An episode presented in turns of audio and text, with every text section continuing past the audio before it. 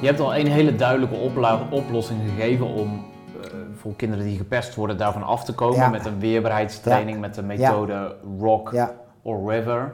Zijn er nog meer oplossingen of tips waarmee kinderen aan de slag zouden kunnen gaan of waarmee ouders een eerste stap kunnen zetten?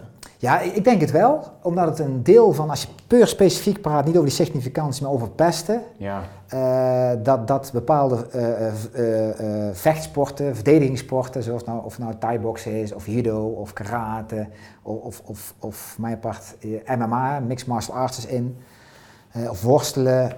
als je daar minimaal een jaartje op kunt hebben eh, als sport, een jonge leeftijd, dat scheelt gewoon. Lichamelijk en wat mentaal. sterker in hun lijf en, en je ziet gewoon als, En ook als, een geest. ja, als kinderen wat sterker gewoon staan, wat ze met die sporten gewoon leren, ze worden fysiek wat weerbaarder, dat hun brein, eh, want in mijn optiek is het één eh, geheel, ook sterker wordt.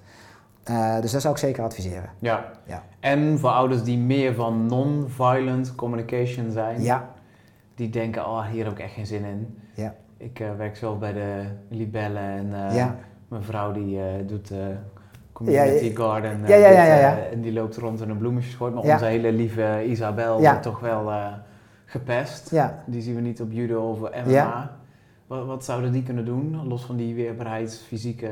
Ja, dan, dan zul je ook moeten kijken, als je het dochtertje of zoontje dan naar een bepaalde school stuurt, waar wel andere sociale lagen zitten, dat je je kind eigenlijk blootstelt aan een omgeving die het kind nog gewoon niet, niet aan kan. Ja, En dan zeg ik, dan stuur je ze eigenlijk een onveilige richting in. Op het moment dat je zegt van we gaan verhuizen en we gaan naar Amerika wonen op platteland en dan zijn de plattelandschool is daar eh, en we hebben allemaal gelijkgestemden, dan heb je dat niet. Maar op het moment dat je naar eh, New York gaat en je Ja. kind stuur je daar de ghetto in, ja, dan denk ik dat je ehm, je kind in een eigenlijk eh, zeker mentaal, misschien zelfs fysiek een onveilige situatie stuurt waar ze nog helemaal niet aan toe zijn. En dan denk ik dat je dat niet goed doet.